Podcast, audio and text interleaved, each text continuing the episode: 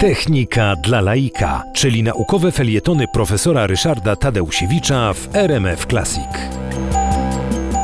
Facebook, o którym mówiłem w poprzedniej audycji, jest takim lustrem. Każdy się może przejrzeć, każdy może zobaczyć innych. Natomiast Instagram to taki program, który właściwie udostępnia tylko zdjęcia, wyłącznie. Tutaj nie ma właściwie żadnych tekstów, operuje się wyłącznie zdjęciami, czyli to jest taka dziurka do podglądania, ale oczywiście dobrowolnego, w sensie takim, że każdy coś Wam pokazuje, bo akurat sam tego, sam tego chce. Pomysł Instagramu pojawił się w 2010 roku, dokładnie 6 czerwca 2010 roku e, była premiera tego.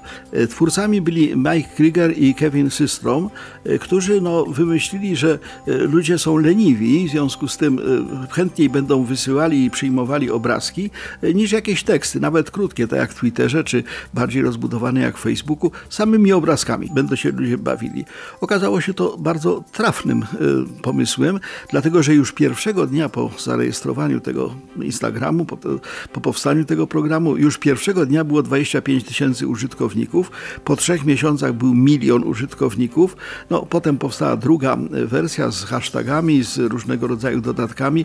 W tej chwili e, to jest no, ogromna ilość użytkowników e, w, w skali całego świata, ponad miliard osób e, używa tego Instagramu, w Polsce 6,8 miliona, wobec tego bardzo wiele.